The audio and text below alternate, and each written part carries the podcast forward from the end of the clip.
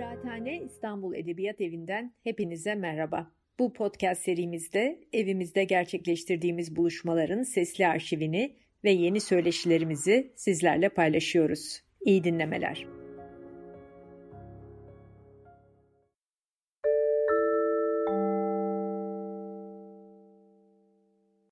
Merhaba, herkese iyi akşamlar. Ee, bugün e, Kıraathane'nin yeni döneminde ilk edebiyat tarihi konuşmalarında Beliz Güç Bilmez konuğumuz. Hoş geldiniz. Hoş bulduk, merhabalar. Ee, bugün e, Beliz'le e, Sevim Burak konuşacağız. Hatta programdan önce de biraz e, konuştuk nasıl başlayalım konuşmaya Sevim Burak diye. Şimdi Sevim Burak ya bizim edebiyatımızda böyle etrafında bir auranın, halinin olduğu, hani böyle Sevim Burak deyince e, hani ne diyeyim önünde eğilelim gerçekten e, bir yazar. E, fakat edebiyat tarihinde, edebiyat eleştirisinde e, bu halinin yansımalarını görüyor muyuz gerçekten? E, o kadar hak ettiği ilgiyi görmüş bir yazar mı?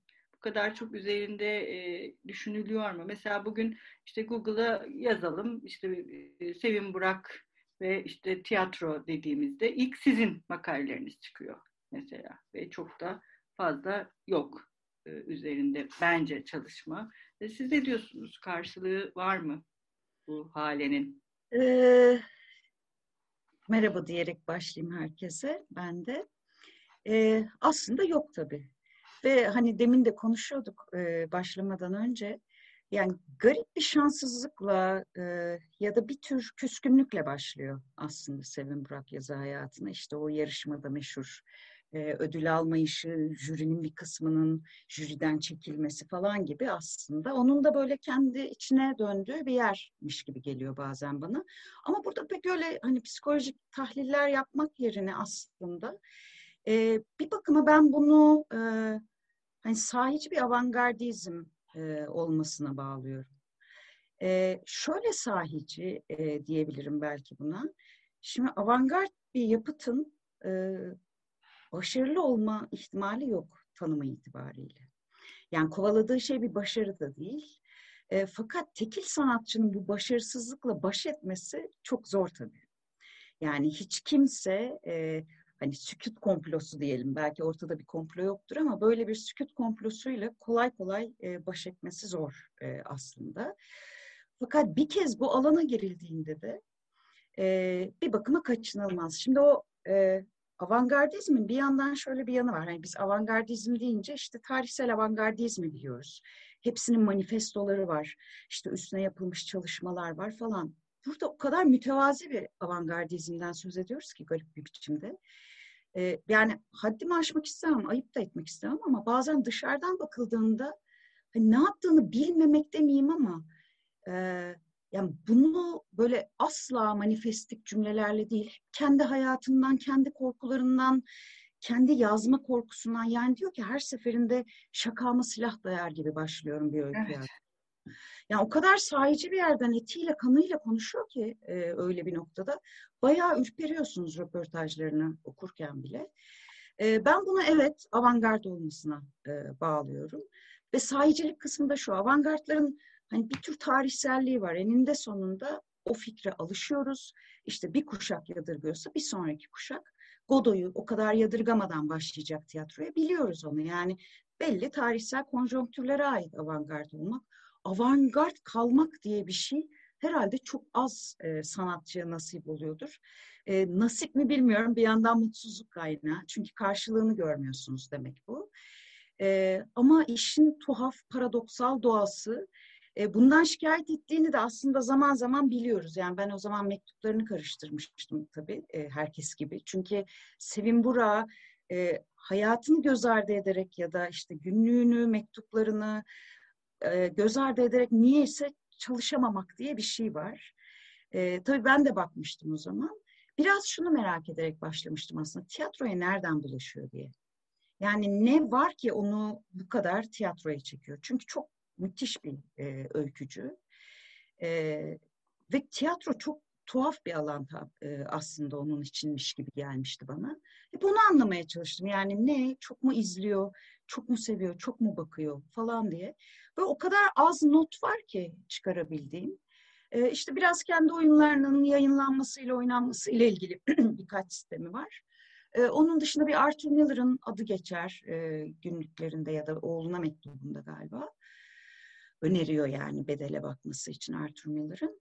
Çok ondan başka da pek bir şey göremedim sahiden. Yani o kadar radikal bir şey yapıyor ki ama tiyatroda bunun kaynağını e, düşününce böyle bayağı e, çok insanın zihnini ürperten bir sezgisi olduğunu düşünüyorum. Her şey onunla yapılıyormuş gibi geliyor. O yüzden hani manifestik değil, ne yaptığı hakkında tiyatronun içinden konuşup deklare etmiyor. Öyle bir meselesi varmış gibi görünmüyor. Yapmak ister miydi ya da yapabilir miydi bilmiyorum. Ama meselesi o değilmiş gibi görünüyor. O yüzden de onun avantgardı çözülebilir bir avantgardmış gibi de görünmüyor tarih içinde. Sanırım o nedenle öyle gibi geliyor bana. Evet, avantgard olmanın e, hem halesi hem bedeli herhalde bu. İkisini bir arada yaşıyor. Sevim Buran aslında bütün eserleri birbirine gönderme yapan eserler. Mesela aynı hikayenin başka bir metinde tekrar ortaya çıktığını, isimlerin kendi ismini de çok kullanıyor zaten Sevim metinlerine giriyor.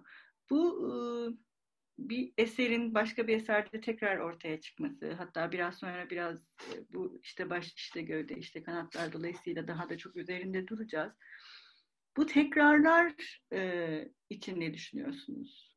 Neden bu tekrarlar bu kadar e, Sevim Burak'ta önemli? Bunun üzerine de as, çok garip bir biçimde çok iyi röportaj veren biri olduğunu düşünüyorum Sevim Burak'ın. Ee, yani alanın uzmanı değilim ama röportaj okumayı severim. Ee, o kadar mesela bu tür meseleler konusunda öyle e, öyle üzerine düşünülmüş bir yerden ifadeleri var ki e, mesela diyor ki işte ben gerçeği bir seferde yazıp çıkarabilen bir yazar değilim. O yüzden defalarca hep aynı yere dönüyorum, aynı yere dönüyorum ve gerçeğin ben öyle anlıyorum galiba yüzeyini inceltiyor iyicene onun üstünden geçe geçe geçe geçe. Ee, hani belki kümülatif düzeyde pek çok yazarın külliyatına baksak, öyle azıcık soyarak baksak, yani aynı meselelerin etrafında döndüklerini görürüz. Fakat hani sanatçılarda, e, yazarlarda bir kendini tekrar etme korkusu vardır. Sevin Burak e, başka şeylerden çok korkup, mesela burada o kadar cüretkar ki, e, hiç mesela bununla ilgili bir meselesi yok. Yani işte derlerse ki hep kadın da aynı şeyi yazıyor, hiç mi başka mesele bilmiyor, başka isim uyduramıyor. Asla öyle bir şey yok mesela. Orada müthiş fütursuz bir şey fark etmiş olasılıkla. Yani e, hani tekrar kusursuzlaştırır fikrini. Kusursuzluk peşinde olduğunu zor söyleriz belki çünkü kusur seviyor. E, yani yara izlerini sevmek gibi. E, hep kusurlu metinler yazdıkları şeyler başka bir açıdan bakıldığında. Yani dramatik yasalar açısından bakıldığında falan belki de. E, ama mesela o tekrarda bir şeyi e, hem kendisinin daha iyi anladığını hem de daha iyi anlattığını düşündüğünü düşünüyorum. Ve oradaki cüretine gerçekten müthiş hayranım. Mesela o kadar umursamıyor ki gerçekten hani aa bunu okumuştum duygusu vermeyi. Başka bir mecra için bir daha deniyor. Yani Ah Ya Rabbi Yehova müthiş bir hikaye. Yani dönüp onu tiyatro oyunu yapmaya cüret ediyor. Yani benim diyen işte tiyatro sanatçısı başka bir e, kurmacadan buraya bir şey aktarırken ödü kopar. Ne kadar tiyatronun içinde olursa olsun. Öyle bir şeye kalkışıyor. Ben e, sanırım öykü kadar da kuvvetli fakat bu kez yeni bir mecra için bir daha düşünülerek bir daha kuruyor. Onlara hakikaten hani şapka çıkararak başlamıştık. Hep şapka çıkarmışımdır. Oralarda biraz Beckett'e benzetiyorum. Yani ne yazarsa tuhaf bir biçimde o mecranın diliyle yazıyor. Yani öykü yazdığında o öyküsel oluyor. Ah ya Rab Yehova. Edebi oluyor. E, tiyatroya dönüştürdüğünde onu benim herhalde yerli tiyatroda görüp görebileceğim en tiyatral metni yazıyor. E, müthiş bir mecra hissi var. Yani o medium'u o kadar iyi kavruyor ki yani kağıt üstünde durduğunda nasıl duracak? Ayaklanıp bir oyuncunun ağzından söylendiğinde seyirci karşısında ona ne olacak? Mesela onun e, müthiş bir sezgisine ya da bilgisine e, sahipmiş gibi geliyor. E, bu zaten genel külliyat içindeki tekrar. Bir de dediğiniz gibi tekil bir metin içinde de hiç durmadan aynı sekanslara, aynı anlara bir daha dönmek, bir daha dönmek, bir daha dönmek. E bu tabii e, bizim çok net bir zihinsel alışkanlığımızın bayağı dibine dinamit koyuyor. Yani biz dramatik bir hikayeye bakarken kronoloji bekleriz. Biz de yavaş yavaş birikmesini bekleriz. Hayır hep başa dönerek, hep başa dönerek. Ben buna kekeleme diyorum. Ee, yani bir tür kekeler gibi yazmak sahiden. Ve hani bir kekemeyle konuşurken şöyle olursunuz. Yani aslında üçüncü heceye kadar gelmiştir dört heceli bir sözcükte. Ha gayret dersiniz ama o bırakıp başa döner tekrar. Yani oraya kadar biriktirdiğini de e, bayağı kaldırıp atar ve bir daha gayretle başa döner. Bayağı öyle bir his yaratıyor bende bütün o tekrarları. Yani o gerçeği bir seferde kuramayış gibi kurmacayı da bir seferde kurmuyor. Bizdeki kronoloji hissiyle oynuyor. Biriken hikaye hissiyle oynuyor. İlerledim ilerledim bir noktaya geldiğini düşünüyorum artık. Artık sonuçlar çıkarmaya başlayacağım. Geri dönüyor. Bütün birikimlerimi yok sayarak gene burada Beckett'e benzetiyorum. Çünkü hep şöyle anlatırdım ben Beckett'in Godoy'u beklerkenini. İki perdenin yerini değiştirdiğinizde hiçbir şey değişmiyor oyunda ve bu çok nadir olabilecek bir şey. Yani ikinci perdeden de başlıyor olsa oyun yine aşağı yukarı aynı oyunu anlayacağız. Ne söylüyorsa yine söyleyecek. Burada da öyle yani bayağı birikime karşı durarak yani hikayenin bizde birikmesini engelleyerek sürekli onunla mücadele ederek e, kendi ne çizdiği bir yol var. E, bunu nasıl bulduğu konusunda hiçbir fikrim yok sahiden. Yani e, Beckett okumak insana kendiliğinden böyle bir şey bahşetmez. Sevdiğini biliyoruz. Kafka sevdiğini, Beckett sevdiğini. E, ama bayağı onun içinde kendi yolunu bulmuş birinden söz ediyoruz galiba. Evet bu biraz şeyle de ilgili olabilir mi bu tekrarlar? Hani gerçeklik arayışı biraz orijinalliğe de bir balta savurmak orijinal olana, kaynağa, kökene. E, çünkü hiçbir tekrar bir taraftan biliyoruz ki aynı değildir. Yani ne kadar biz onu tekrar edersek edelim birebir aynısını yapmak mümkün değildir.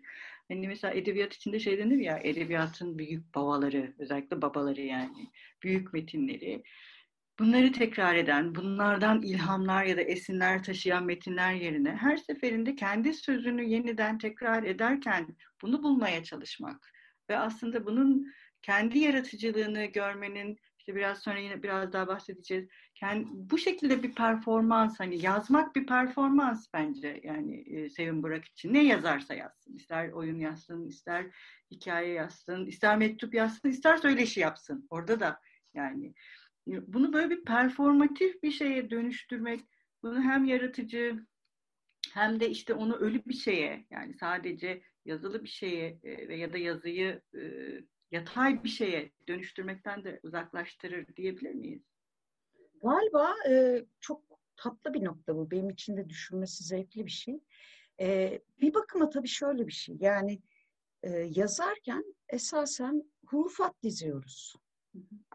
E, ve hani bazen hep e, başka yerlerde de konuşurken atölyelerde falan o noktaya geliyoruz. Ya yan yana harf dizerek e, bir etki yarattığımızı düşündüğümüzde aslında hani ben hep o ilk hayrete geri dönmek diyorum. Çok hayret verici bir şey. Yani bunun olduğu her an e, bir tür hani dünya ile bağımız kesiliyor ve çok maddi bir biçimde yan yana A'yı, B'yi, C'yi, Z'yi bir şeyleri yan yana getirmekle hiç tanımadığımız birinin üzerinde o karalamayla bir etki yaratıyoruz.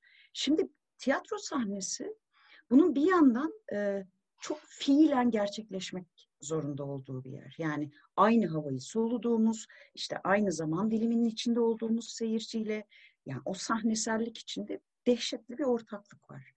Ve e, çok e, dışarıdan görülebilir şeylerin yazılabildiği bir yer tiyatro sahnesi. Yani nasıl ayırırız desek edebi olandan tiyatral olanı belki böyle ayırmak gerekir. Yani biri bizi karşıdan seyredecek. Ee, yukarıdan değil, kameradan değil ama karşıdan seyredecek. Dolayısıyla hep aslında dış konturlarla kendini bakışa açmış bir biçimde ve bunun farkındalığıyla yazmak diye bir şey. Şimdi mesela şeye geldiğinde, tiyatro yazmaya geldiğinde bunu o kadar e, iyi kavramış bir zihinden söz ediyoruz ki e, yani yarattığı bütün e, figürler diyeyim e, seyircinin oradaki varlığının ya da bir tiyatro fikrinin ayırdığında gibi davranırlar. O da kendiliğinden o üzerinde durdukları tiyatro makinesine dikkat çeker.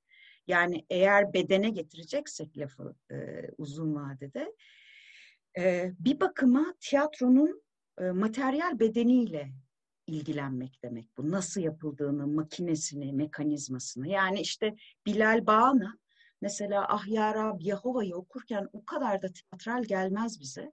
Fakat sahibinin sesine girdiğinde ya öyle bir bakma, görme, görülme eylemiyle kurar ki kendini e, kendiliğinden zaten içinde bulunduğu e, ortamın, medium'un, e, aracın bütün alfabesini üstüne giyip çıkar. Şimdi bu kaçınılmaz olarak aslında biraz o materyalliğe, biraz etine, kanına dokunmaya başlamak demekmiş gibi geliyor bana. O tekrar meselesi de hani kekemeliğe bir daha dönüp bakalım. Ee, yani dil zorlandıkça bir şey söylemekte dikkatimiz bir organ olarak dile ve onun dönmesine çekilir. Yani akışı kaçırırız. O yüzden bir kekemenin konuşmasını takip etmek zordur. Çünkü zorlanışına bakarız. Fiilen bir organ olarak dilin kendisine dikkatimiz çekilir. Brecht mesela yıllar önceki notlarından birinde diyor ki işte Berliner Ensemble'la e, okuma provaları yapıyorlar. İşte Shakespeare'in bir e, modern Almanca ile yapılmış bir çevirisine bir de e, ha, önce bir onun üstünden geçiyorlar modern Almanca ile. Sonra ta Goethe döneminden bir çeviriye bak, bakmaya başlıyorlar. E tabii şimdi mesela bir oyuncunun eline Osmanlıca bir metin vermek gibi bir şey yok. Bayağı hani zorlanıyor e, Alman oyuncular o dönemin Almancasına bakarken. Ve diyor ki işte bu yani dilinizi fark ediyorsunuz çünkü dönmedikçe. Ve birdenbire o sözcük sizin ağzınızda sahici bir yer kaplamaya başlıyor. Bunun üstüne düşünmeye başlıyorsunuz. Sözün teflon etkisi, oyuncunun ağzından şakır şakır akması bütün bunlar kalkıyor ortadan. Şimdi burada da öyle kekemelikte de yani bütün o tekrarlarda e, ne yaptığını biliyor olmak hep aynı yere geliyor. O da öyle bir çaba gösteriyor ki konuşurken ister istemez onun verdiği dikkati siz de veriyorsunuz. Burada da öyle çok farkındayım diyor ve dikkatimiz e, öyle büyülü bir sahneye ay işte empati kuracağım, dramatik olarak çekileceğim, işte biraz hani duyularımın uyuşturulacağı e, bir yerde olmaktan ziyade bayağı bütün duyu organlarım canlanıyor. Çünkü öyle bir yerden çekiyor sahnesini. E, biraz performatif dediğiniz yeri buralardan okuyorum ben de. Evet yani orada e, kandırarak sahiden rolmüş gibi yapmak değil e, işte dramatik tiyatronun bize öğrettiği gibi. E, fakat onu ya bir vantrolog bebek gibi önünde tutmak, vantrologun bebeği kuklası gibi e, ya da e, onun da altını rol yapmanın ta öbür ucundan çıkarak, aşırılaştırarak öbür e, tarafını göstermek ve gene altını oymak. Yani evet işte şeyi bilenler için işte baş, işte gövde, işte kanatları. Mesela hiçbir şey yenmeyen o görkemli yemek sahneleri. Evet. Yani evet tanım itibariyle mış gibi yapılan bir sahneye bakıyoruz. Evet bütün yemekler öyledir işte onlar butafordur genellikle falan filan. Ama şimdi bizi onun yokluğuyla baş başa bırakıyor. Ve yine bütün eylemler orada. Evet, evet bu yoklukla aslında devam edelim ve belki işte baş, işte gövde ve işte kanatları bu bütünlüğün yokluğuyla e, doğrudan zaten başlık metnin başlığı işte baş, işte gövde, işte kanatlar. Yani doğrudan bize e, söylediği şey ben yani siz bir parça parçalardan bahseden bir metinle e, karşı karşıyayız. E, bu Metin yine sahibinin sesiyle de biraz ona da göndermeler e, yapan e, bir metin. Sonra yine Everest My Lord'la da ama Everest My Lord artık giderek hani dozajın arttığı bu parçalanmanın belki de en uç noktası. E, sahibinin sesi ve işte üç oyun arasında bir e, dizge kurarsak ötekinde dizge tamamen bozuluyor. Buralarda biraz daha bir dizge var. Peki bu yokluk ve parçalanma ilişkisi işte baş ve işte gö işte baş işte gövde ve işte kanatlarda e, Sevim Burak'ın bir imkanlar da sunuyor aslında metinde. Yani bu imkanlılıklar nasıl ortaya çıkıyor sizce? Şimdi belki e, şeye dönmekte fayda var. Yani beden elbette ya oyuncuyla yapılıyor tiyatro ve sanki bedenler zaten doğal olarak oradaymış gibi gelebilir alanın biraz dışındaki insanlara. Fakat tarihine baktığımızda hiç öyle değil. Ee, yani ta antik Yunan'dan bu yana aslında e, hani şöyle hızlıca bir gelsek işte antik Yunan'daki tragedya kahramanı diye yazılanlar bayağı işte Elinor Fuchs'un tabiriyle o büyük hikayelerin üstüne asılacağı askılar aslında insan falan değil. Bunlar modern anlamıyla karakter de değiller. Yani Antigone'nin psikolojisi diye bir şeyden söz etmek aslında anakronik. Çünkü içe kimse bakmıyor zaten. İşte görevler e, hedeflerine doğru çekilmiş bir ok gibi diye e, anlatır yine Fuchs. Ondan ibarettirler. Yani yapacakları şey tepeden tırnağa bir kardeşini gömme iradesi olmak mesela e, Antigone açısından. Sonra işte o tarihine bakarken mesela galiba ilk insana benzeyen bir içi olan e, anlamında. E, ilk karakterlerden biri olasılıkla Hamlet fakat çok erken. Yani şu yüzden içi var diyorum. Mesela kararsızlık daha önce yazılmamış bir şey. Yani şu demek ya o kadar geniş ki içim bir bir duvarına bir bir duvarına çarpıyorum ve oraya bakıyorum demek. O yüzden hani içi olan şimdi bir iç verebildiğimiz bir karaktere galiba ilk defa o zaman bakmaya başlıyoruz ama bu e, orada sürmeyecek. Biraz erken bir şey e, Hamlet'le yapılan. Sonra Belki denebilir ki ta Freud'la bilmem neyle işte roman sanatı patlamış gelmiş, bireysellik, öznellik falan filan ve 19. yüzyıl tiyatrosu batıda bayağı işte e, travmalarıyla, psikolojisiyle, geçmişiyle bir karakter olarak aslında şaikasına orada ulaşıyor. Fakat karakter gelişirken tiyatro sahnesinde ne olduğuna bakıyoruz. Oyuncu bedeni zaten yoktu genellikle. Yani hep gizlenen bir şey. Çünkü hep biraz sakil. E, çünkü mesela sanat olmak için fazla keyfi, e, tuval değil, kaprisli e, ve üstelik mahrem. Yani din, dinsel orta çağdan bakarak da öyle. Yani hep o alegoriler falan işte sahnede yedi günah temsil etmekler falan. Oyuncu bedeninin bayağı olmadığı bir yerdeyiz. Hepsi askı böyle daha büyük bir şey taşıyorlar. Fikirleri taşıyorlar, e, sembolleri taşıyorlar falan. Onların taşıyıcısı. Ee, öbür tarafta da yani modern metinler yazılmaya başlandığı işte 19. yüzyıl boyunca diyelim. E, hep bana şöyle geliyor yani oyunculuk e, deneyip yapamadığım bir şey benim. E, ama oyuncunun sahnede yüzlerce gözün karşısında öyle durabilmesini sağlayan şeylerden biri rol. Çünkü öyle güzel bir kılıf ve sizi öyle güzel saklayan bir şeydir ki. Yani aa nasıl dikiliyor derler belki seyirciler. Bu sayede dikiliyor. Çünkü bir karakterin arkasında. O ne kadar hani üç boyutlu karakter diyoruz çünkü oyuncu giysin istiyoruz tam olarak hiçbir yeri dışarıda kalmadan. O bayağı oymuş demek gibi gelir bana. Şimdi bu çok koruyor tabii e, oyuncuyu e, onu oynatıyor, onun içinde ona can veriyor fakat kimse ona bakmıyor. Kimse onun bedeni hakkında konuşmuyor. Çünkü ne kadar iyi saklandıysa rolün arkasına o kadar işinin hakkını verdiği e, düşünülüyor bir yandan da. E, sonra başka fikirler çıkacak ortaya tabii. İşte Brecht bu ikisini birbirinden ayırmaya başlayacak. Hem teorik olarak hem bunu uygulamada nasıl yapabileceği üzerine bütün bir ömrünü verecek e, bir yandan da. E, fakat oradaki ilizyon yani hem bedeni sakınan, gözden sakınan, saklayan e, hem de oyuncuyu bedeniyle bir şey yaptığını neredeyse unutturan. O yüzden mesela ses hep tuhaf bir biçimde çok ön plandadır e, o tiyatroda. Çünkü sadece konuşma arzusu gibi görünebilir bazen oyunculuk. Çünkü bedenin geri kalan kısmı gizlidir. E, ve bu rol fikri yani bu kadar giyilebilir rol fikri parçalanmaya başladığında biz de yeniden oyunculuk üstüne ve oyuncu bedeni üzerine düşünmek zorunda kaldık. Çünkü mutlaka bir yerleri açıkta kalıyor oyuncunun. Şimdi evet bedenden söz ediyoruz.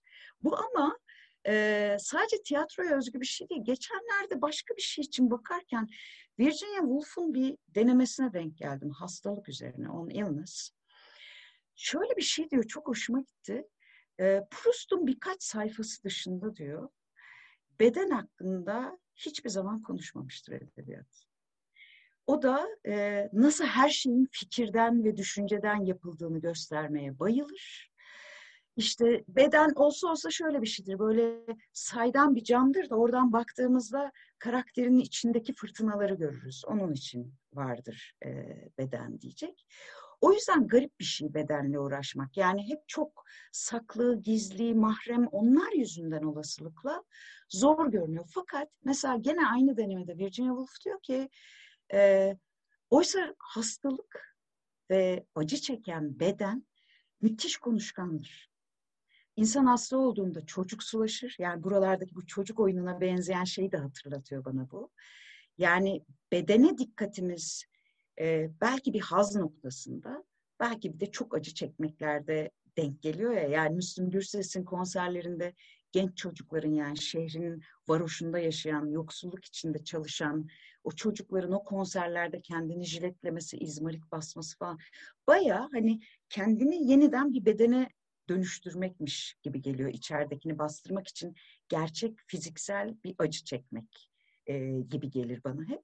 Şimdi burada da öyle fizik açığa çıktıkça hem çok dışarıdan seyredilebilir işaretlere bakıyoruz demek bu. E, hem de e, açlık gibi herhalde bedensel deneyimin e, en ekstrem noktalarından birine baktığımızda yani açlıktan yapılmış bir metne bakıyoruz sayede her anlamıyla ama en çok yani bizi öyle bir davet sofrasına oturtarak başlar ve bir e, ne denir? Hmm, taziye yemeğidir o e, aşağı yukarı değil mi? Hep o dirimle ölüm zaten birbirini anlamlandırarak orada. Ve oradaki e, yokluk aynı zamanda elbette hani metaforik anlamıyla hayat boyu çekilmiş yokluk, gelecek yokluğu falan. Fakat eylemin kendisine, yeme eyleminin kendisine dikkat çekmenin muhtemelen dahice bir e, yoluna bakıyoruz. Ortada hiç yemek yokken sürekli yemek tarifleri, yemekler gidiyor geliyor. Varlığıyla yarattığı, aman yokluğuyla yarattığı bir e, varlıktan söz ediyoruz aslında ve göstermekten çok daha kuvvetli bir etkisi olduğunu seziyoruz. E, bir bakıma o yokluğun aslında galiba. İştahı görünür kılıyor. Yani iştahı anlatmak. Ve asla doyurulamayacak evet. haliyle. Evet doyurulamayacak e, haliyle. Sonra işte oyunun son sahnesindeki hiç eğlenememeleri aslında bununla birlikte. Eğlence yok yani hayatlarında. Öyle bir açlık da var ve bu sonrasında oraya da taşınıyor. E, şimdi ben biraz metinleri e, ve metinlerde kullanılan isimlerle oynamayı seviyorum. Bu, bu metin de biraz buna müsait gibi geliyor bana. İşte Melek, Nivart, işte Ziya bu sefer Dağana, işte Bilal Bağana, burada Ziya Dağana oluyor. E, mezar taşçı, e, fotoğrafçı, e, avukat. E, Melek zaten e, bir e, aynı zamanda melekmiş gibi e, görünsün diye o yabancılaştırma kısımlarının olduğu yerde e, sanki işte bir taraftan da Ziya Bey'in Azrail'iymiş gibi sürekli işte ona yaklaşıyor şey yapıyor falan. Böyle bir şey var. E, bir de Nivart hem onlar çocuklar ama e, bir taraftan Marie Nivart'ı da düşünmüş müdür yazarken ya da sizin de aklınıza geldi mi? Bu Hiç Marini düşünmemişim Vart... biliyor musunuz? Hiç düşünmedim e, Marini Vart'la bir bağlantı olup olmadığını. E, fakat ben de mesela o meleğin kurulma biçimini çok seviyorum bu hikayede. E, çünkü hem hakikaten fiziksel olarak hani onu zaten ilk gördüğümüz fotoğraftan itibaren ya öyle bir kadraj içinde kadraj yaratarak ilerliyor ki yani önce fotoğrafı gösteriyor sonra o fotoğrafın çekildiği güne gidiyoruz sonra o fotoğrafın çekildiği ana gidiyoruz melek olma anına gidiyoruz fakat e, o kadar yoğun bir belirsizlik yaratarak yapıyor ki yani bunu burada okunaklı görünen hikayeyi aşağı yukarı aktarabiliriz. İşte e, bir dönemin çok yaygın uygulamalarından biri. İşte paşaların evlerine e, biraz besleme gibi, biraz evlatlık gibi her şey için kullanılabilecek genç çocukların emanet edilmesi. onların bir ömür boyu e, o adamdan bir himmet beklemesi işte ya ev bırakacak ya e, evlenirse lütfedip miras kalacak falan ama ne adamlar böyle bir şeye yanaşıyor ne çocukları izin veriyor. O hayatlar öyle bir takım adamlara bakarak e, heba olmuş, geleceksiz değil mi? Yani bir türlü aslında dışarı çıkamıyor oyun boyunca çünkü dışarıda bir hayatı bilmiyor. Hiç dışarı çıkmamış, tek bir gün biliyor. Muhtemelen tek günü var hakikaten o kuş dili çayırında geçirilmiş. O da korku dolu. Çünkü Ziya Bey her şeyden sürekli haberi olduğu fikrini e, yaratmış onlar üzerinde. Yani ona bir sürü yalanlar söyleyerek evden kaçılmış ve bir tane çalınmış gün var işte hayatta. Sürekli oraya dönüyor ve artık o final sahnesi e, zaten hani ikinci perdenin sonunda öyle bir şeyin işaretini çok veriyor. Göreceksiniz Ziya Bey diye. Böyle çok ürkütücü bir meleğe dönüşüp Azrail gibi Sonra da ona o sahneleri seyrettiriyor gibi görünüyor. Yani erkeklerle flört ettiği, azıcık eğlendiği, kendini dağıttığı, bütün oradaki başlıklar işte düşen melek, intikam alan melek, bütün hani o e, tasvirlere dair her şey bir yandan da e, orada. O yüzden melek çok hakikaten güçlü bir e, figür hikayenin içinde. E, Nıvart'la ilişkileri de e, hani hem bir tür e, dayanışma gibi görünüyor. Çünkü e, aynı meselenin bir bakıma işte farklı hiyerarşilerdeki kurbanlarıymış gibi görünüyorlar. Ama bir yandan da bütün ezilenlerde görüldüğü gibi bir yandan da birbirlerinin de altına uyuyorlar e, varoluş meselesi sırasında. Hem bütün o ikilikler, sahne ikilikleri biraz o mevcudiyeti yaratan şeyler. Yani e, Beckett için de derim böyle bir döneme gelene kadar hep bize bir takım ikililer gösterir. İşte Estragon'la Vladimir gibi, e, Willy ile Winnie gibi, işte Hamle Clove gibi. E, bu biraz bu e, tekil sahne mevcudiyeti kavraması çok zor bir şey. Yani bir başkası için mevcut olmak diye bir fikir yaratır. Çünkü orada da hep bir izleyici var, bir başkası için mevcut olma fikri. Yani biri adımızla seslenmediğinde bize ya da gözümüzün içine bakmadığında bir süre sonra mevcudiyetimiz çökmeye başlar. Yani bir başkasının gözünde kendimizi görmedikçe biz. Biraz sanki onu sağlıyor. Çünkü o kadar varla yok arası var olma biçimleri ki bunlar tanığa ihtiyaçları var. Yaşadıklarını, ölmediklerini hatırlamak için.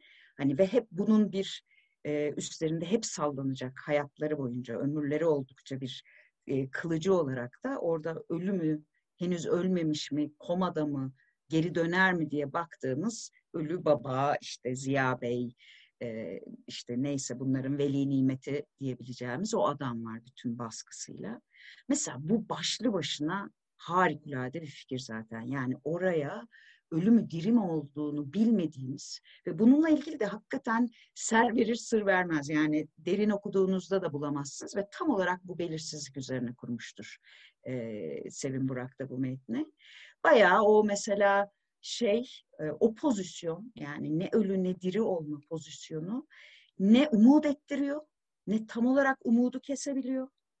O kadar feci bir arafta tutuyor ki onu sonsuza dek. Tıpkı evde o ihtimalle işte bakarsın evi bırakır, bakarsın evlenir, bakarsın bir maaş kalır ihtimali gibi berbat bir biçimde eziyet etmeye devam ediyor. Çok kuvvetleniyor yani o baskı. Fiili bir baskıymış gibi görünmeye başlıyor sahiden.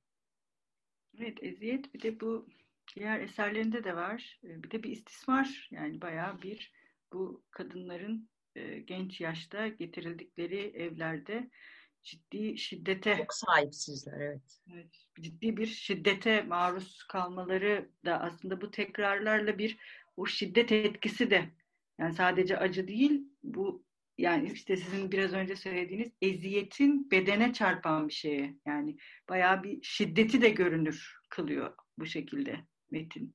Yani. Ve bunlar hakkında konuşmak hakikaten çok zor. Yani konuşmak da zor, temsili de zor. O yüzden bu kadar üzerimizde e, dehşetli bir etkisi var ve e, şunu çok erken anlamış bir yazar bence Sevin Burak. E, hep duysallıkla çalışıyor. Yani e, o topuğa giren iğne Yani hala insanlar biliyorlar bunu bilmiyorum ama ben de mesela dikiş dikilen bir evde büyüdüm. Çocukluğum öyle bir evde geçti. Çok sıktı evde dikiş dikilme e, oranı bir zamanlar. Ve e, bayağı hani evin en büyük tembihiydi yani. Çıplak ayaklı gezme terliksiz dikiş iğnesi girerdi. Ve onun evet vücutta yürümesi diye bir e, fikir de vardı sahiden. Şimdi bu o kadar duysal bir şey ki birdenbire bedeni evet bir iç yaratıyor bedende. Çünkü o içte e, eve şey sahibinin sesinden ya da e, Yahova'dan söz ediyoruz. O topuktan girmiş iğneyi e, böyle kocaman bütün bedeni neredeyse kulak olmuş gibi Bilal Bağna her yerinde takip eder. Ve biz böyle bayağı bir röntgen filminde madi, metal bir iğnenin görüntüsünü izliyormuşuz gibi bir iç görürüz. Yani e, o içi işte psikolojiye boğmadan, travma travma demeden, dolayısıyla çok tekil bir şeymiş gibi göstermeden, yani Sevin Buran tiyatrosuna ya da yazınına insanlar kolay kolay politik demezler. Bana müthiş politik geliyor e, sizin de söylediğiniz yerden. Çünkü bunu temsil etmenin müthiş bir biçimde bir yolunu bulmuştur. Yani işte azınlık meselesinin, e, işte babanın adı meselesinin, bütün bunların e, bayağı fiziksel e, karşılığını bulmuş ve bunu göstermiştir bize. Yani sadece bunun için e, sadece yani Sevin Burak üzerine konuşulan sonsuz dersler yapılıyor olması gerekiyor gibi geliyor insana bir yandan da başlangıçta söylediğimiz yerden. Evet artık daha okunaklı işte kitaplar da çıktı, e, işte dergiler özel sayılar, dosyalar yapıyorlar falan filan ama e, garip bir biçimde bu topraklarda galiba şöyle bir şey oluyor. E, mesela Beckett'ten daha zor değil Sevin Burak. Fakat yerli bir metni okumanın bize doğal olarak e, dehşetli, konforlu bir okunaklılıkla kucağımıza düşeceğini varsayıyoruz olasılıkla. Ona bahşettiğimiz sabrı buna bahşetmeyip anlamıyorum, anlamıyorum, anlamıyorum diye bir şey oluyor. Buradaki çifte standartı belki hatırlatmak gerekiyordur. Gerçekten okuyup sevdiğimiz, sahnelediğimiz üzerine çalışıp e, pek çok metinden daha zor, daha imkansız değil sözünü ettiğiniz az önce atladığım imkan meselesi orada. Çünkü öyle bir imkanın ucunu yakalıyor ki e, hem yazarlara hem tiyatroculara müthiş bir yol gösteriyor. Orada bir model sunuyor. Yani hem tekrar model demeyelim ama bir örnek sunuyor. Üzerine çalışılabilir. Bayağı nasıl yapıldığına baktığımızda bizim için gittikçe temsili güçleşen bu dünyanın nasıl temsil edilebileceğine ilişkin çok acayip bir şey çıkarmaya başlayabiliriz sahiden. Ee, sorunu belki manifesto yazmamış olmasıdır. Kendini manifestolarla ifade etmemiş olmasıdır belki. İşte istediği kadar insanlar gerçek üstücü desin, ucu desin, bucu desin. Hani hep dönüp dönüp onu hayatıyla okuma zorunluluğu. Belki bunlar eleştirel alışkanlıklardır ama bazı insanlara bu yapışır. Ya herkesi öyle okumuyoruz. Yani işte ne bileyim Bilge Karasu'nun bir metnini okurken Bilge Karasu'nun hayatına bakmak pek az insanın aklından geçer. Başka bir avantgard olarak söylediğimizde. Ama Sevin Burak'ın işte hani ben de yazarken öyle yazıyorum. İşte yok teyellermiş, terziymiş falan. Çünkü bunu garip bir biçimde performatiflik biraz da öyle. Yazı beden dediğimiz şey bayağı kendini yazıya yapıştırmış, yazısını bedenine yapıştırmış ve bayağı onun e, ikisinden mürekkep bir şeye bakıyoruz her seferinde. Yazı bedenine galiba evet. Evet. Da mezar taşçı da öyle zaten değil mi? Metinde biraz mezar taşçı. O da ilk önce bir parçalanıyor. O sofranın bir parçası gibi. Ama ondan sonra her gidiş gelişinde her gidiş gelişinde acaba işte o tekinsizliği de ve belirsizliği de eziyeti hani gerçekten öldü mü? Beni sürekli oyalıyorsun. Mesela Melek'le konuşmalarında var. Hep beni oyalıyorsun. Bir türlü ölmüyor yani mezar taşçı için. Şimdi onun varlığı hem bu eziyetin bir işken yani şeyi bir de hem de beden gibi yani şeydir ya mesela Abdülhamit de vardır mesela ki gerçek hayatında da varmış onun da. Boş bir mezar. Yani evlerin önüne boş bir mezar kazmışlar bir gün biri ölecek diye. Ve bütün Yarabbim. çocukluğunu o boş mezarda kim yatacak diye geçirmiş. Sonra, sonra Makberi yazmış işte. Şimdi Sevin Burak da bu mezar taşçı da e, yani biri bir çukur açmış. Onu biliyoruz. En azından ben öyle anladım metinde. Birisi ya da öyle... mezar taşı yapılmış işte. Evet bir mezar taşı yapılmış. Fakat bir türlü bu işlev tamamlanamıyor. Yani bu bitirilemeyen şey ya da para ödenmesi gerekirken kendisinin onun ölüsünü taşımak için zaten bunlar varlıklı insanlar deyip işte meleğe borç vermesi. O aslında meleğin ne kadar kötü durumda olduğunun, belki aile tarafından da bu adamın bu kızla unutulmuş ve baş başa bırakılmış olduğunun, o terk edilmişliğin başka bir parçasını oluşturuyor. Yani o şeyi kullanmak.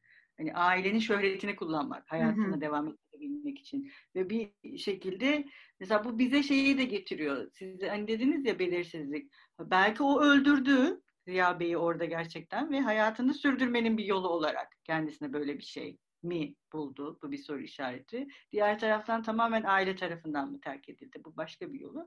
Ama sanki mezar taşı bir taraftan da hani bütün bu metnin parçalanmışlığının da e, işte bir tarafı yapılmış ama bir tarafı yapılamamış, bitirilememiş, gömülemeyen ölünün e, çok anlamlı bir e, ya metafor demek istemiyorum da çokluğunu yani o parçalanmışlığına ve aslında her parçanın kendi başına da e, bir anlamı olduğunu da gösteren bir şey mi? Öyle düşünüyorum. Yani hiç hiç boşu yok Sevin Burak'ın zaten. Yani öyle e, yani ben genellikle olmadığını düşünüyorum kurmacalarda zaten. Hani zihin onu doğru yerine doğru bir biçimde yerleştirirmiş gibi gelir hep bana ama e, burada o kadar e, hep ne yaptığını bilen e, bunu inkar etse de bazen hep ne yaptığını bilen birinden söz ediyoruz. Yani bu oyunun bir kez bu haline baktığımızda bütün parçalanmışlığına rağmen mezar taşçı olmadan bu metin olamazmış gibi geliyor sahiden. Çünkü hem bir yandan aslında e, Ziya Bey'in yaşarken e, yaptıklarını sadece onlardaki karşılığını görüyoruz. Mezar taşçı sayesinde basbayağı o baskının yani para vermek, para almak, parayla e, bir tür e, köşeye sıkıştırmak varlığıyla ve yokluğuyla e, sürekli bir tür ne denir e, şantajcı bir yerde durmak, sürekli açık kollamak, sürekli pencerelerden, kapılardan bakmak, içeri sızmak. Bir zamanlar olmuş olan şeyin şimdideki karşılığı ve hani her şey Ziya Bey gibi zaten her şey mezar taşçı gibi o parçalanıp yayılma dediğim şey biraz da öyle bir şey. Yani Nıvart'ta da bazen e, ona benzer bir şey olduğunu görüyoruz. O da işte sürekli dedikoduları hatırlatıyor ona, canını sıkıyor meleğin, o da onun canını sıkıyor. E, birbirlerini sürekli aynı yerden canını sıkmaya devam ediyorlar. Çünkü çok hoyrat bir biçimde üzerinde üzerlerinde egemenlik kurmuş bir e, erkeklik var. Yani hatta bir erkekler ordusu var. İşte kardeşler falan hepsine birden bakmış. Yani onun arkasındaki e, sonsuz kullanmaları e, hiç hakkında konuşmuyor net bir biçimde. Ama onu o kadar belirsiz bıraktığı yerler var ki bayağı yok karpuz çatladılar bir şeyler. Bayağı zihnimizden bir şeyler sızıyor çok e, sert bir biçimde.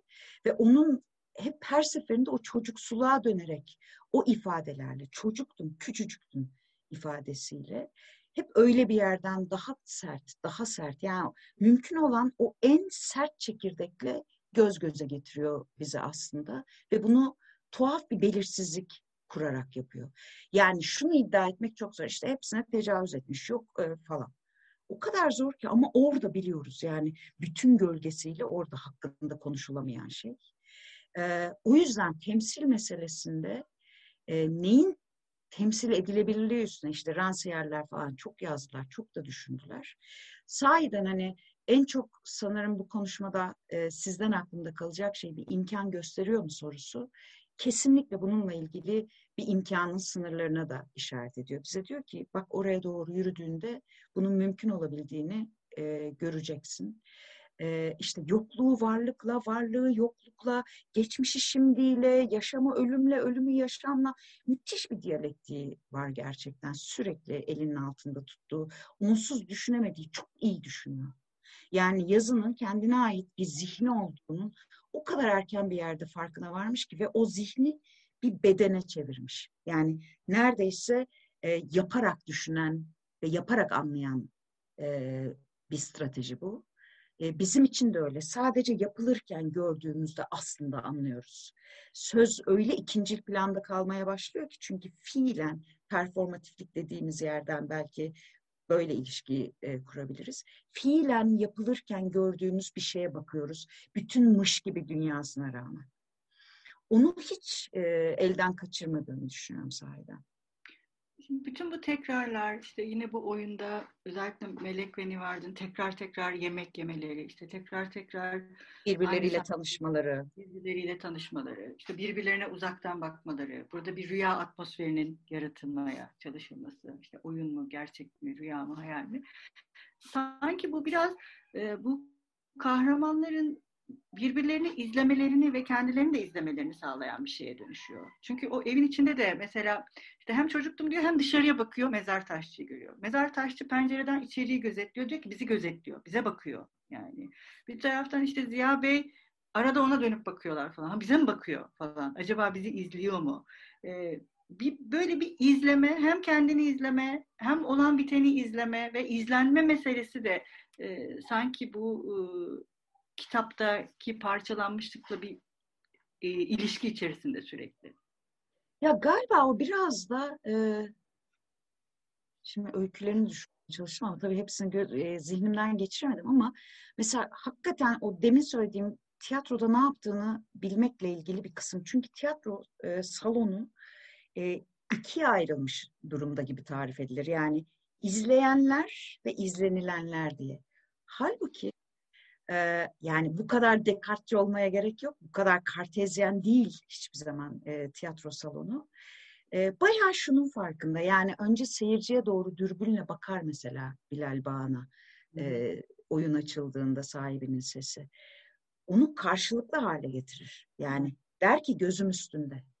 Şimdi o diyalektiği bir kez anladığı için çünkü öbürü bayağı böyle araya e, işte illüzyon tiyatrosu dediğimiz araya dördüncü duvar dediğimiz bir şey yaratıyor. Sanki onlar işte her nasılsa seyirciyi hiç görmüyorlar, bilmiyorlar ama biz oturduğumuz yerden röntgenliyoruz gibi. Bayağı röntgenleyen bir adamı seyirciye bakarken dürbünle sahnenin ağzına getirdiğinde bütün o e, şeyi, tiyatro tarihini bir daha baştan düşünelim mi dedirtiyor aslında bir yandan da. Çok farkında dediğim kısım bu. Ve mucize gibi görünen kısmı da şu bana. E, teknik tabii ama e, bir maddesi var yani. E,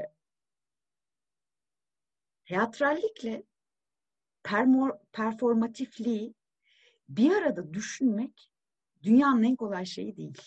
Yani birbirlerini hafifçe itiyorlarmış gibi görünüyor. Yani işte performans sanatının mesela bunu ancak tiyatrodan kaçarak e, yapabiliyor olmasından söz ediyorum. Yani hikayeden kaçtığında, karakterden kaçtığında, bir oyun kişisinden kaçtığında daha çok monografi, daha çok kendisi falan. Burada öyle acayip bir aralık yakılıyor ki hem tiyatral hem rol orada hem performatif. Sahiden yani tiyatro metni olarak da e, yazı olarak da e, döne döne bakıp ne yaptığını e, teknik olarak da görmeye çalışmaktan ben müthiş haz alıyorum.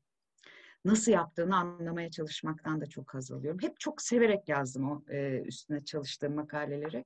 Şimdi Sevin Burak deyince anekdotsuz olmaz tabii. Ben de tam o ilk 2003'te 2004'te falan yazmıştım galiba ilk makalemi ve müthiş heyecanlanarak yazmıştım sahiden. E, o zaman çok zor bir hamilelik geçiriyordum. Ve işte sürekli kulağım bebekteydi, karnımdaki bebekte. O yüzden böyle e, hücrelerime kadar Bilal Bağna'nın ne yaptığını hissettiğimi düşünmüştüm. Yani sürekli vücudunda yürüyen iğneyi takip edişi gibi. E, hani duyusallık dediğim biraz öyle bir şey. Yani ister istemez sizi bedeninizle e, çağırıyor kendi yazdığı şeyi kavramanız için. Önce karnınızla, etinizle anlıyorsunuz ne yaptığını. Sonra zihinselleşiyor o kısmını çok çok çekici buluyorum gerçekten. Bir de rüya meselesi de bayağı Sevin Burak deyince e, çok e, mühim bir ne diyeyim büyü gibi bir şey aslında rüya. E, bildiğimiz e, işte rüyanın gerçek hayatla arasındaki tezatlıktan çok en azından bana öyle geliyor. Sevin Burak'ta rüya böyle e, birden bir büyü ortamı yaratıyor. Ama bu illa iyi bir şey değil yani kara büyü de olabilir. E, bu e, ne diyeyim e, atmosfer yaratmanın daha katmanlı bir hali sanki rüyayı bu şekilde sizin bahsettiğiniz hani bedenselleştirmenin bir yolu. Belki işte o teatrallikte performansı kesen şeylerden birisi rüyanın da e, dönüşerek kullanılması metinlerde. Böyle bir şeyden söz etmek. E, galiba e, bir tür hani e, zihnin içinde derinleştiriyor bizi her rüya sahnesinde. Yani karakteri böyle aman aman anladığımız, iyi kurulmuş, bütün noktalarını bildiğimiz bir geçmişle değil de e, bir zihni olduğu ve rüyaları olduğu, demek ki düşündüğü fikriyle aslında daha sahiciliğe yaklaştırıyormuş gibi geliyor bana. E, Arto'nun da Sevin Burak'ın da düşler konusunda e, birbirine çok yakın fikirleri var. Mesela ikisi de e, çok ortak görüyor düşünceyle rüyayı. E, aynı malzemeden, aynı dokudan yapıldığını söylüyorlar ve rüyalar hani Arto'nun işte e, tiyatro ve ikizindeki müthiş veba metaforu. E, yani işte kralın biri e, bir, bir rüya görüyor ve ülkenin açığını demirlemiş bir gemide veba salgını olduğunu görüyor ve yasaklıyor uyandığında e, onun kıyıya yaklaşmasını. Fakat şöyle bitiriyor Arto anekdotu diyor ki rüyasından çoktan veba kapmıştır zaten. Çünkü bir ilişkidir o. Yani o, o kadar tuhaf bir e, iç duyusallık ki bayağı hani bedende yaptığını neredeyse zihin dediğimiz ele gelmez şeyi bile rüyalar sayesinde e, bir maddeye, bir somutluğa dönüştürüyor. İlk korkuları e, tiyatro ile ilgili e, Abidin Dino'ya yazıyor galiba mektupta. Diyor ki çok korkuyorum tiyatrodan çünkü hikayeye benzemiyor. E, o kadar soyutlama imkanı yok. Her şeyi somutlamak lazım. O kadar iyi anlamış ki ne yapması gerektiğini. Çünkü karnal bir şey tiyatro sahnesi. Öyle et, kan, can. Evet orada. Ve en çok ona e, kafa yormuş gibi görünüyor. Yani korktuğu şey üzerine müthiş bir biçimde gitmiş ve hepsi için bir yanıt bulmuş sahiden. Rüya bile e, bir madde aslında e, onun metinlerinde.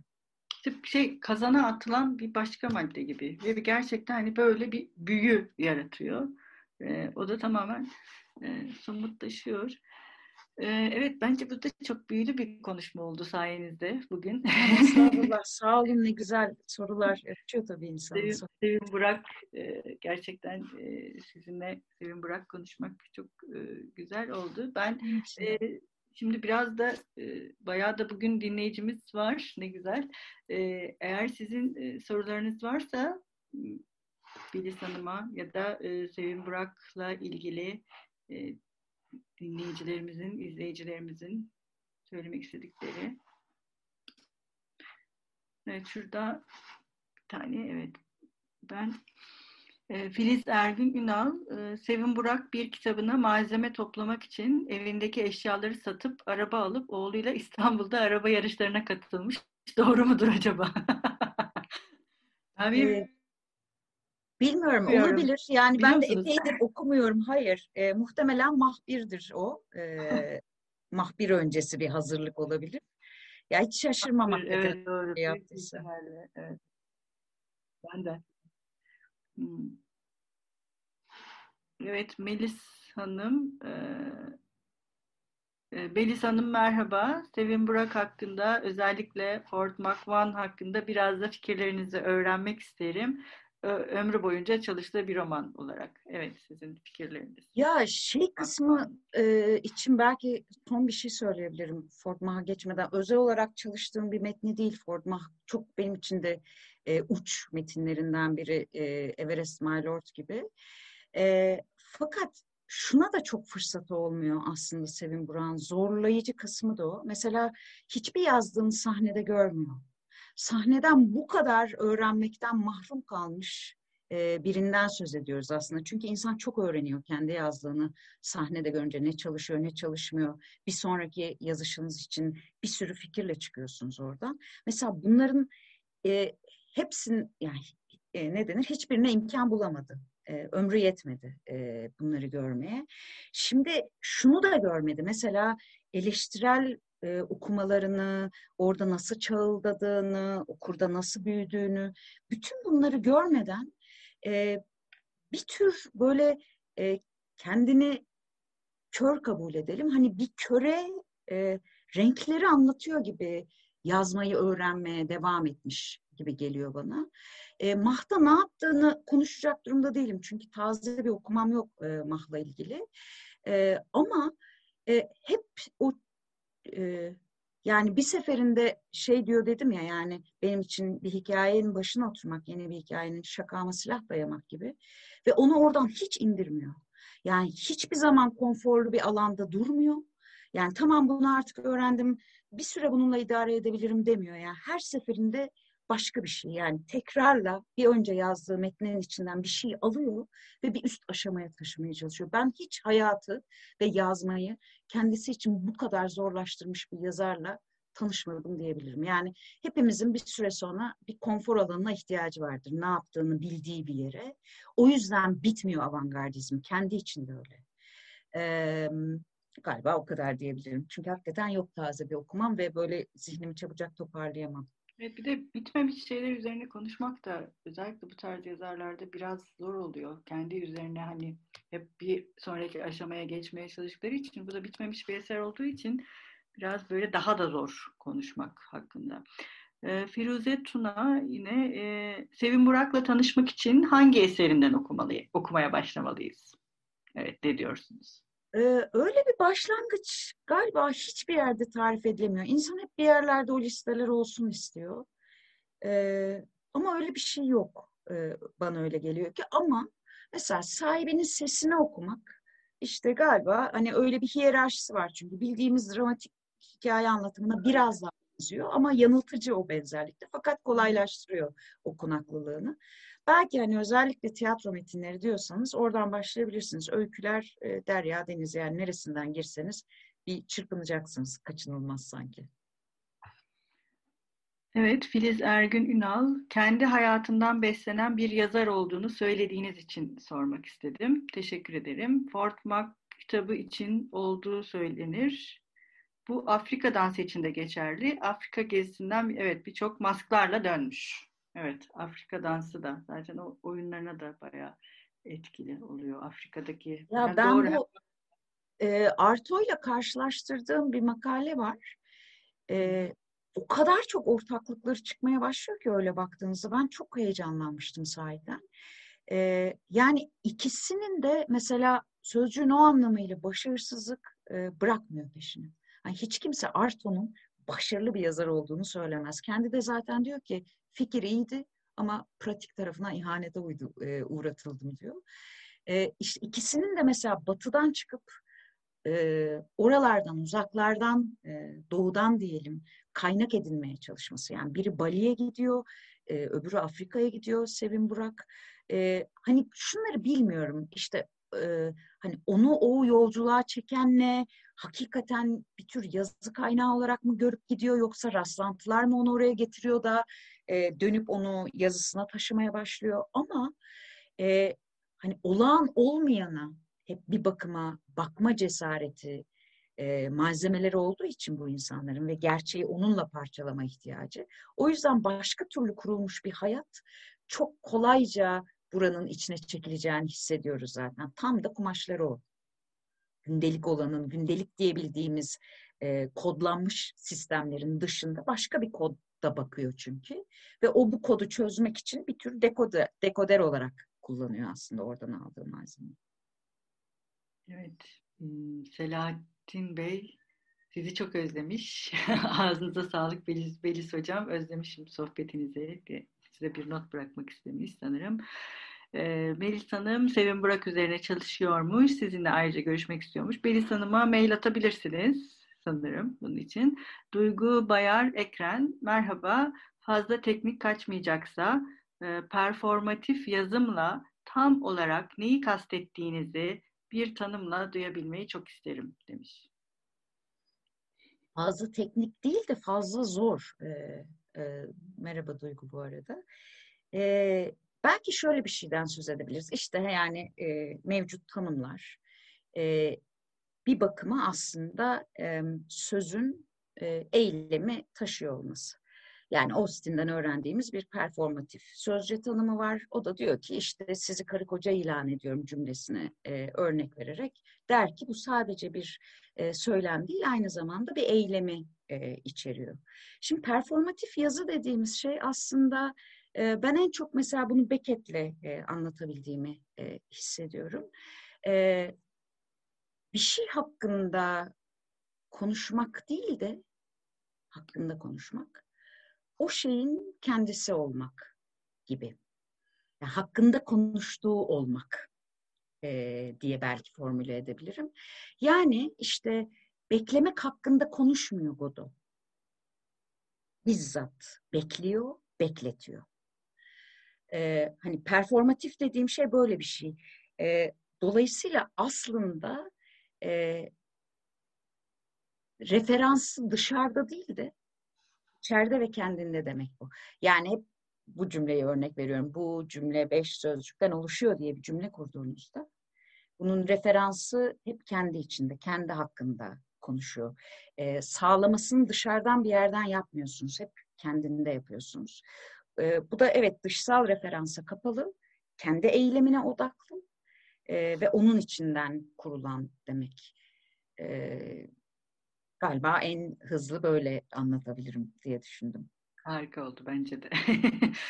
E, Eray Kaan Erkoca, Belis Hanım e, bir makalenizde sahibinin sesi üzerine minör ses ve egemen sesten bahsediyorsunuz. Bu çok seslilik içerisinde Sevim Burak'ın herhangi bir sesi tercih ettiğini, bir doğruya işaret ettiğini düşünüyor musunuz? Ee, galiba kolay kolay düşünemeyiz. Çünkü e, yani evet mesela e, minör edebiyat tanımı tabii e, ya da kavram olarak Deleuze Gattari'den alınmıştı e, o makalede. E, yani bir dilin kıyısında durup aslında e, o dildeki akışı tersine çevirmek gibi bir şey. Şimdi e, o tersine çevirme hareketi ilk başta bir dikkatimizi tersine çevirene çekiyor. Ama bir yandan da onun sürekli nasıl daha güçlü karşı akıntı tarafından mas edilmeye çalıştığını da görüyoruz. Sonuçta hep bir mücadele hattına bakıyoruz. Yani var olma ve yok etme, işte kendini gösterme ve üstünü kapama gibi e, bir sürece bakıyor gibiyiz. E, bana öyle geliyor ki e, yani işte hem Anne-Marie Mandil'in kızı olmak, e, işte hem mesela bayağı o Tevrat bütün metinlerinde elden ele dolaşır. İşte isimler oradan çıkmadır. Ee, anlatma üslubunu yani bayağı pastiş gibi e, üslup devralır Tevrat'tan. Mesela onun Tevrat'taki isim sayma geleneği e, Sevin Burak yazımına öyle bir içselleşmiştir ki her şeyi isim sayarak anlatır. Yani nesneleri de öyle sayar, insanları da öyle sayar. Bir, bu cenaze yemeğine 10 kişi geldi demez de tek tek isim sayar. O geldi, o geldi, arkasından bu geldi, sonra bu geldi, sonra bu geldi diye. Ee, şunu düşünmüyorum evet yani e, tekil bir yerden konuşamaz çünkü hep o karşı harekete bakıyor ve çağda dayan bir şeye bakıyor orada.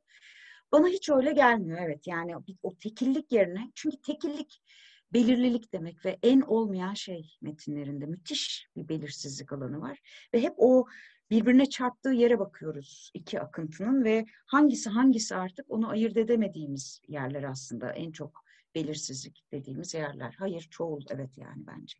Daha polifonik bir şeyden söz ediyoruz. Evet, Talin Azar, e, yayınlanma süreci nasıl olmuş? Çok merak ettim diyor. İşte baş, işte gövde kanatlar. Yani şimdi ben biraz baktım.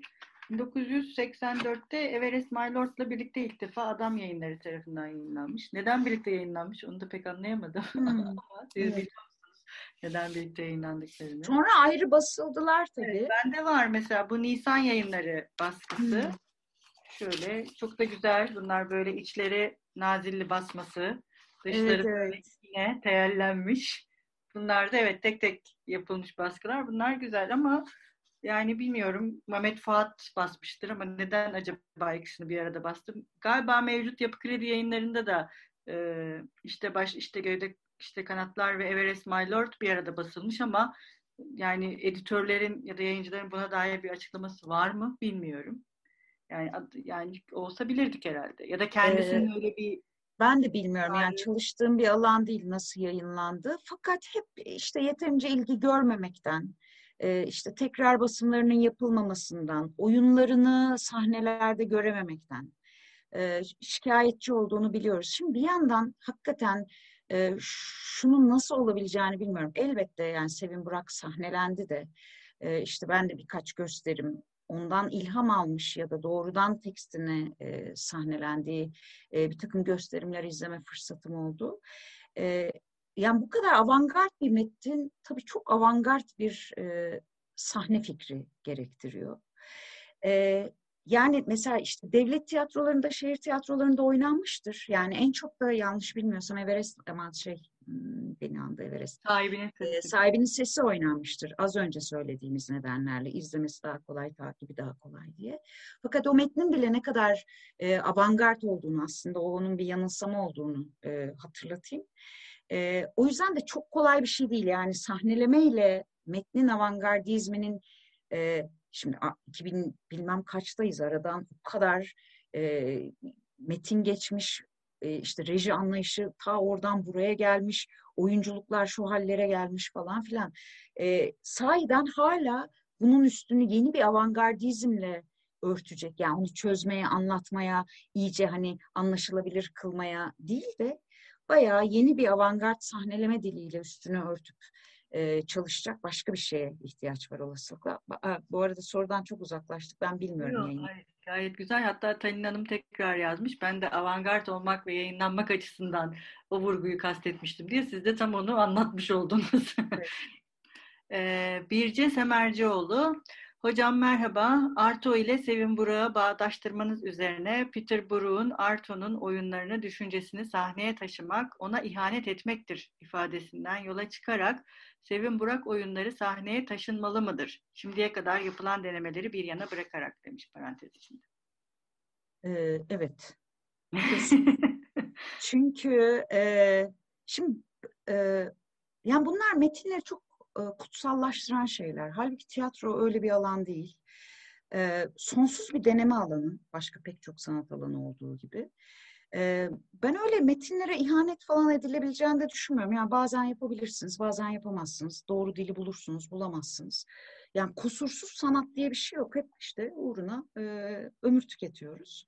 E, o yüzden hani bu çok romantik bir fikir e, hani tarihsel olarak romantik diyorum. Çünkü romantikler mesela bayağı bir dönem e, Alman romantikleri diyorlar ki e, Shakespeare sahnelenmesin. Çünkü en mükemmel hali zihnimizde.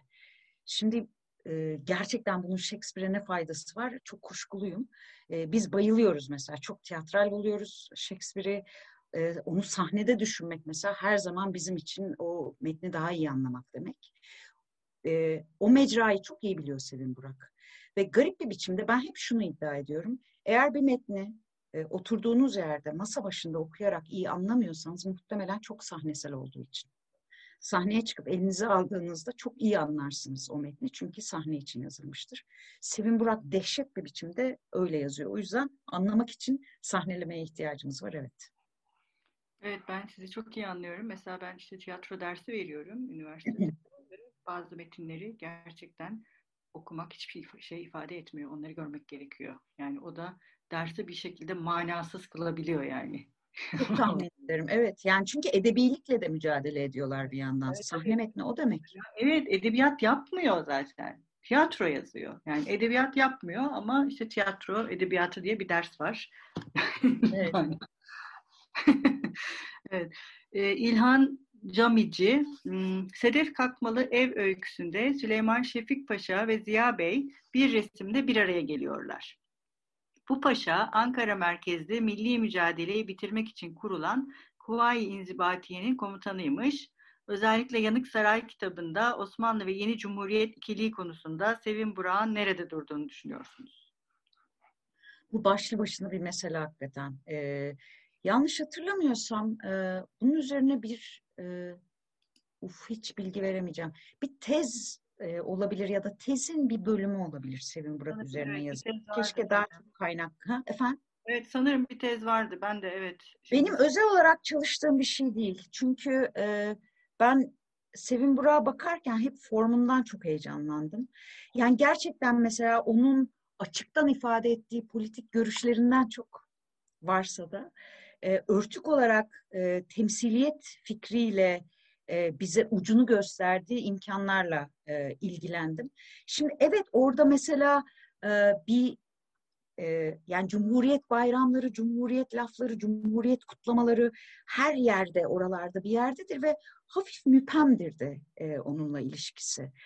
Yani işte bir tür e, bir şeyin sonu mu yoksa bir şeyin başı mı hem ona hem ona işaret eder gibidir. O yüzden hani benim de zihnim bununla ilgili. Az önce söylediğim yerden şu diyebileceğim netlikte değil ama metinlerin de o netliği sunmaktan kaçındığını düşünüyorum genel bir strateji olarak.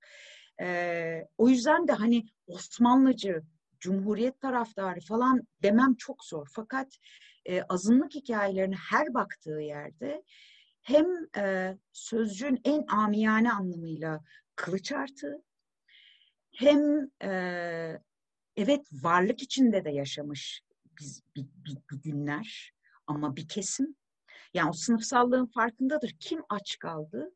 Ne zaman aç kaldı? Ne zaman yalnız bırakıldı? Ne zaman suistimal edildi? Bunlar hep birbirinin içine geçirile geçirile e, yani paşa dediğin hem Cumhuriyet'te var hem Osmanlı'da var. Şimdi öyle ortasında bir yerde duruyor ki paşa paşadır diyor.